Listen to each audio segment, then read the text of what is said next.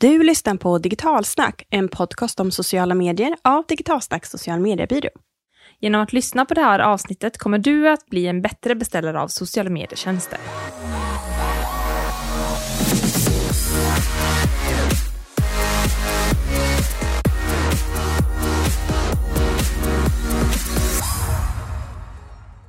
Hej och välkommen till Digitalsnackpodden. Det här är podden som ger kunskaper som ni kanske inte visste att ni behövde. Mm, och idag så ska vi prata om något jag har velat prata om ganska länge faktiskt. Nämligen hur man blir en bra beställare av sociala medietjänster. Det är rätt viktigt faktiskt, upplever vi. Mm, och där kommer vi kunna komma med massor av kunskap då från vårt håll. Men också saker och tyvärr lite olyckliga saker som har hänt eh, kanske kunder eller personer som hör av sig till oss som vi har eh, men fått hjälpa dem med men också plockat in som inspiration till den här podden. Och förhoppningsvis så kan det hjälpa någon på vägen? Ja, vi hoppas ju det. För det är ju lite snårigt idag, framförallt idag när det finns så många olika eh, kanaler och man har olika konton och så eh, finns det vissa gigantiska eh, sociala mediejättar som ser till att skapa att det finns många olika nivåer, hierarkiska nivåer och diverse. Så det finns många olika rättigheter man måste tänka på, vem ska ha åtkomst om vad och så vidare. Och när man ska ta hjälp av en partner, till exempel då en byrå, så kan det bli lite bökigt om man inte vet vad man gör. Mm, och hur skapar man den här tydliga pitchen på, man liksom verkligen får fram så vad man förväntar sig, få för effekt av det. Och hur följs allt upp och hur delas data? Det här ska vi strax prata om i den här podden. Och rösterna som ni hör är som vanligt jag, Jenny Laupti, och med mig har jag Cecilia Victoria Kärrberg, lite förkyld så att den är lite nasal den här rösten, men hoppas ni överlever och lyssnar på den. Vi vill smygpusha också för att vi i januari kommer hålla olika webbinars, precis som vi gjorde under det här året. Och då kommer vi bjussa på hur man lyckas med sociala medier 2022. Vi kommer prata om video och sociala medier som exploderar just nu. Och sen och lyckas med annonsering på sociala medier 2022. Så håll koll för vi släpper våra platser inom kort på vår webbplats, i våra sociala kanaler och via nyhetsbrevet. Så se till att signa upp dig så att du inte missar någonting.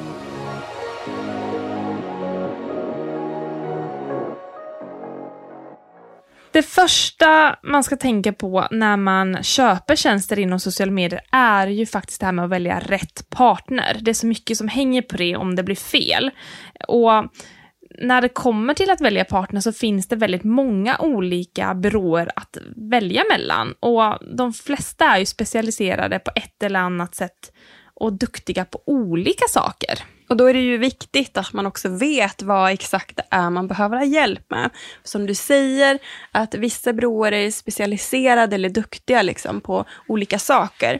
För en byrå exempelvis kan säga att man jobbar liksom marknadsföring, sociala medier eller digitala medier och är jätteduktiga inom exempelvis köpt annonsering. Men om det är en strategi för dina organiska kanaler eller innehåll, då kanske inte alls är en, liksom, en, en rätt match. Eller att man vill någon ska producera en video för sociala medier. Då behöver man, liksom, man behöver nischa och veta exakt vad det är för specialitet man är ute efter så att man hittar den där rätta partnern. Så fundera vad är det för tjänst du vill köpa eh, just kring sociala medier? Eller eh, kanske så pass specifikt att vad är det för effekt du är ute efter? Ibland vet man inte exakt vilken tjänst det är eh, man vill ha, utan man vet vad, vad man vill få ut av hjälpen.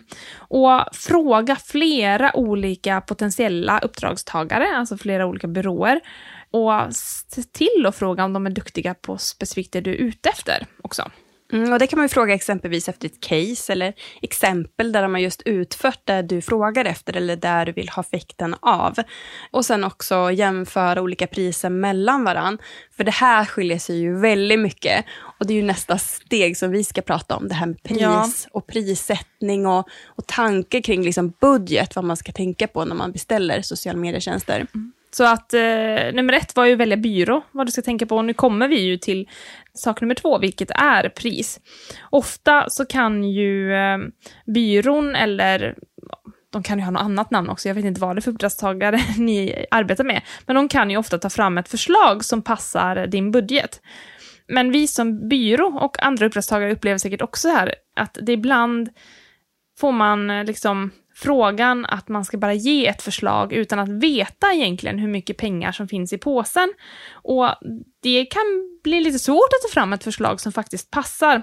Så det är väldigt viktigt för en byrå att veta vad det är för pris ni är villiga att betala så att man kan matcha det till ett passande koncept och vilken effekt ni kan faktiskt få för det. Utan att veta budget så blir arbetet väldigt svårt från början. Ja, men precis. Och här behöver man också förstå lite grann att priset är ofta i paritet med vilken effekt man vill ha ut. Mm. Så att här finns det så många memes på alltså, sociala mediekonton som vi följer, att kunden kommer och har liksom en, en lista som är liksom 25 punkter lång, vad man vill uppnå, det ska vara det här och man ska bang och det är liksom fyrverkerier, alltså man vill ha det nyårsfyrverkeriet. Men om man bara budget för en tomtebloss. Ja. Och då är det jätte, jättesvårt att man kan ju, Men man kan ju göra saker med tomtebloss. Det går ju, men då måste man veta om att det är tomtebloss budgetnivå vi pratar om och inte liksom den här nyårsfyrverkerierna, eller hur? Ja, exakt. Så man måste vara tydlig med att det är tomtebloss budgeten man kommer med. Så att det är det som man ger förslaget på. Precis. Eh, olika tjänster har ju också lite olika prissättningar. Alltså det kan dels vara att man sätter pris på olika sätt, men också olika nivåer på pris. Viss typ av produktion är ju egentligen beräknad på tid och då kanske du har en, en timpeng. Medan ja, men vi i alla fall, när vi har utbildningar eller workshops eller liknande, så räknar vi på vilken effekt det är man kan få ut av det man köper och då har vi ett eh, paketpris baserat på den kunskapen man köper. Och man ska också tänka att när man köper vissa tjänster inom sociala medier så är det liksom att skaffa kunskap till en strategi, det är liksom en del av budgeten. Men för att också implementera den och faktiskt komma igång så krävs det en nästan lika stor investering.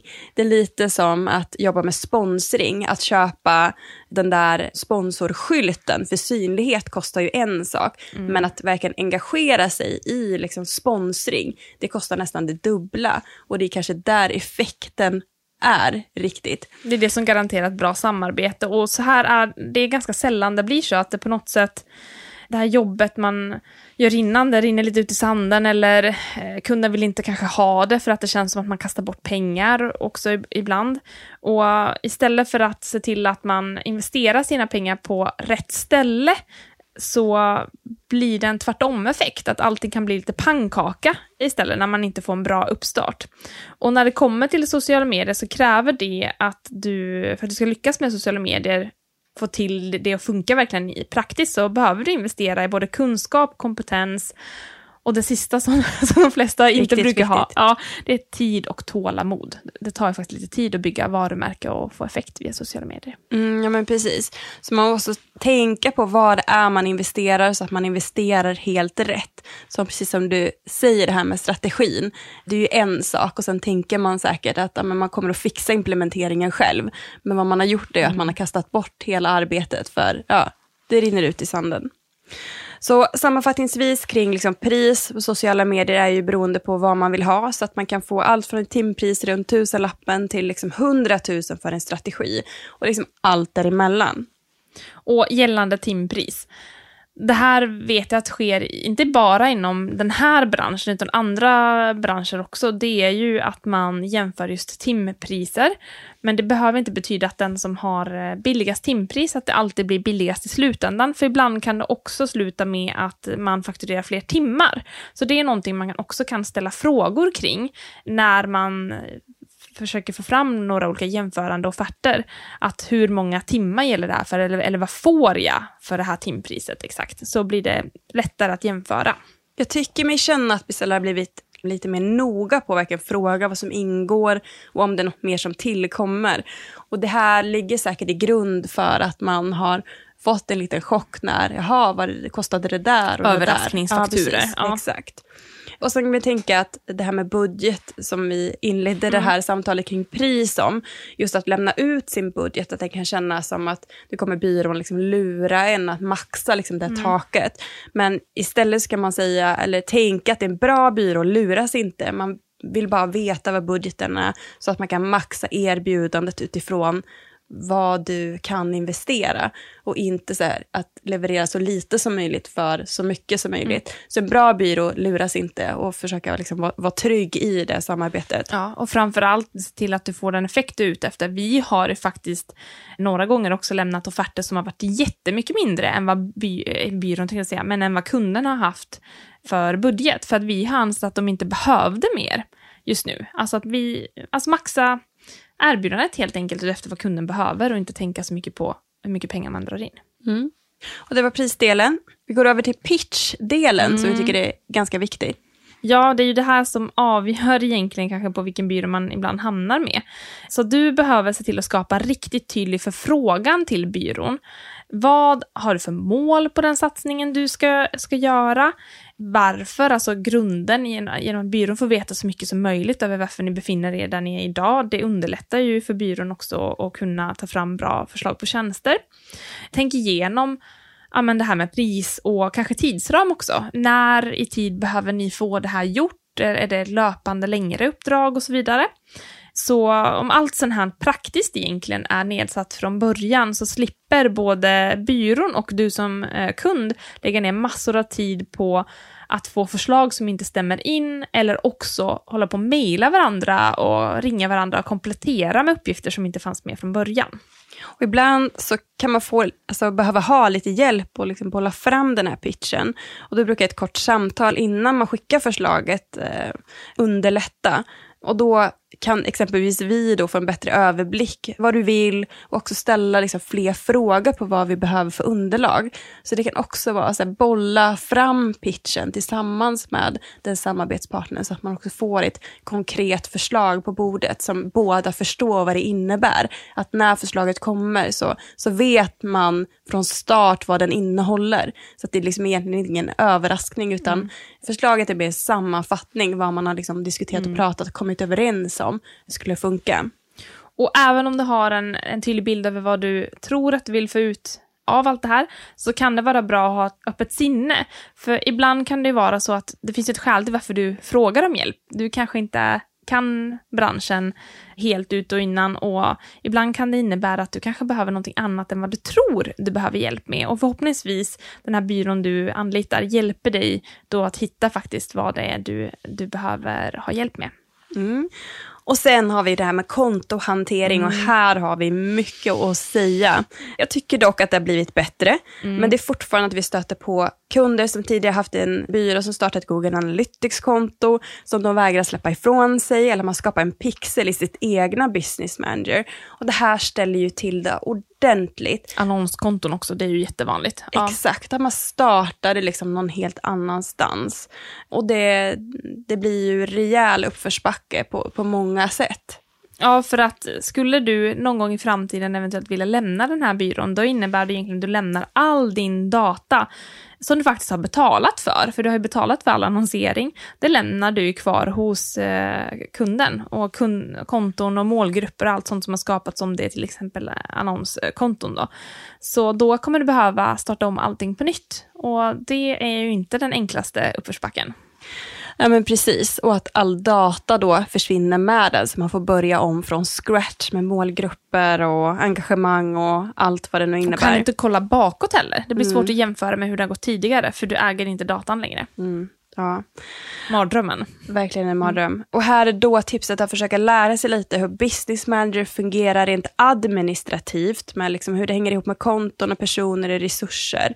Och också liksom vad som är inkluderat i business manager. Ja, men ads manager, shopping, pixlar, ja, men hur allting liksom hör ihop. Vad är det man behöver äga? Hur behöver strukturen se ut? En del man tar hjälp att skapa strukturen och lär sig lite grann liksom grundprinciperna. Man behöver inte praktiskt kunna utföra det, men att förstå rent administrativt hur konton som man behöver äga faktiskt liksom fungerar, skulle jag säga är en otroligt stor liksom maktfaktor för att äga mycket.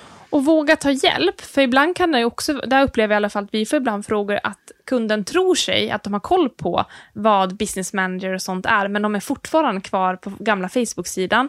Och det är svårt att veta vad business manager är om man aldrig har varit inne där. Och då kanske man tror att man har koll på allt. Så du kan ju också dubbelkolla med eventuell byrå du anlitar, att så här tror jag att det är. Är det något mer jag behöver kunna? Kan vara en bra grej också. Och om du nu känner att det här blir för mycket, att sitta och skapa sånt här själv och ja, men, skapa användare och bjuda in byråer och sånt, så kan man ju faktiskt se till att bjuda in en byrå, alltså inte som en partner, utan bjuda in den i Business Manager som en anställd, fast man är administrativa rättigheter.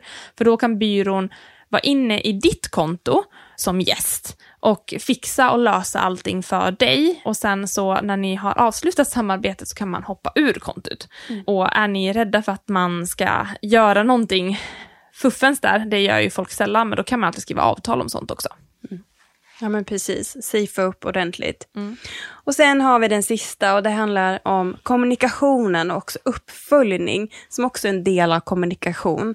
Att liksom här då våga ställa krav på uppdragsgivaren kring hur kommunikationen ska, ska ske och hur ofta uppföljningen ska vara. Så att man har ett ramverk kring där. För utan det här så vet du egentligen inte hur bra det går heller med samarbetet man har. Och många vi pratar med känner kanske att det är lite för lite kontakt ibland och att man har svårt att veta vad som händer eller sker och faktiskt att det påverkar lite vilken tillit man har till byrån också man är orolig att man inte får det man faktiskt har betalat för. Mm, och lägg till då att man själv inte äger de kontona mm. som man innehar, så att man inte har någon insikt att realtid gå in och faktiskt titta. Då är man extra sårbar. Man är verkligen utlåst. Mm. Sen är det bra om ni själva läser på lite grann kring olika nyckeltal, alltså KPI och mättal, som ni kanske kommer ha användning av. Ta fram, eventuellt tillsammans med byrån ni samarbetar med, vilka ni skulle ha behov av, men också lyssna på, på byrån, vad de rekommenderar att ni kanske ska läsa av för att veta om det går bra eller dåligt. Och efter liksom första avstämningen titta igenom rapporten tillsammans och fråga, våga ställa frågor. Mm. Att om man inte förstår, för det är inte helt självklart om man inte jobbar med sociala medier 100% av sin, sin dag, att man förstår vad alla siffrorna innebär och liksom procentsatser upp och ner mm. och sådär, hur det påverkar. Så att ha en rejäl genomgång på hur rapporten ska läsas och tolkas framöver ser jag också som en viktig del. Mm. Det var alla våra tips kring vad man ska tänka på när man köper sociala medietjänster. Förhoppningsvis så blev det lite lättare med de här tipsen, för annars kan det ju vara en riktig djungel. Så vi hoppas på att det är enklare för er framöver att beställa sociala medietjänster. Mm, kolla så byrån har den kompetensen du faktiskt är ute efter. Ha också en budget klar och tidsram. Och sätt ett tydligt mål eller en effekt som du vill att den här satsningen ska ge ha lite extra koll på de grundläggande delarna rent administrativt gällande sociala medier så att du kan tilldela rätt rättigheter till personer. Och så se till att du äger alla konton så att de är inhouse och du äger all data och har kontroll över eh, så att du kan titta på det när du vill. Och sist men inte minst, se till att ha löpande kommunikation och avstämningar med din partner så att du har koll på din investering.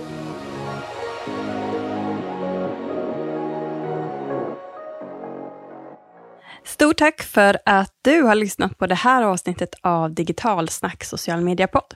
Mm, den här podden är ju som sagt helt eh, sponsorfri och gillar du det här avsnittet så tycker vi det är en fantastisk uppmuntran om ni också visar det genom att eh, ja, men gilla inlägg eller dela vidare och tipsa om våran podd i era flöden. Tack, Tack och hej! hej.